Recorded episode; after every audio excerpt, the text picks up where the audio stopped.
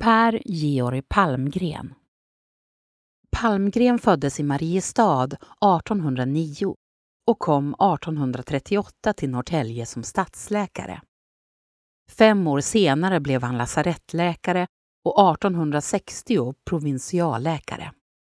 Samma år som gevärsfaktoriet lades ner upptäckte han att gyttjan i Kvisthamraviken hade undergörande medicinska egenskaper och året därpå, 1844, byggdes Norrtäljes första badhus.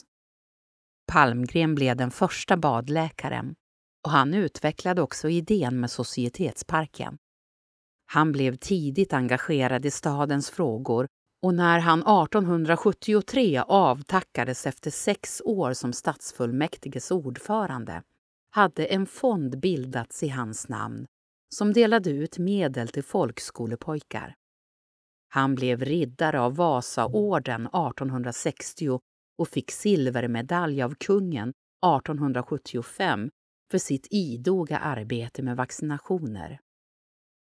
Efter E.G. Stenbergs död, stadens givmilde donator, blev Palmgren en av fyra personer som förvaltade hans kvarlåtenskap i form av en stiftelse.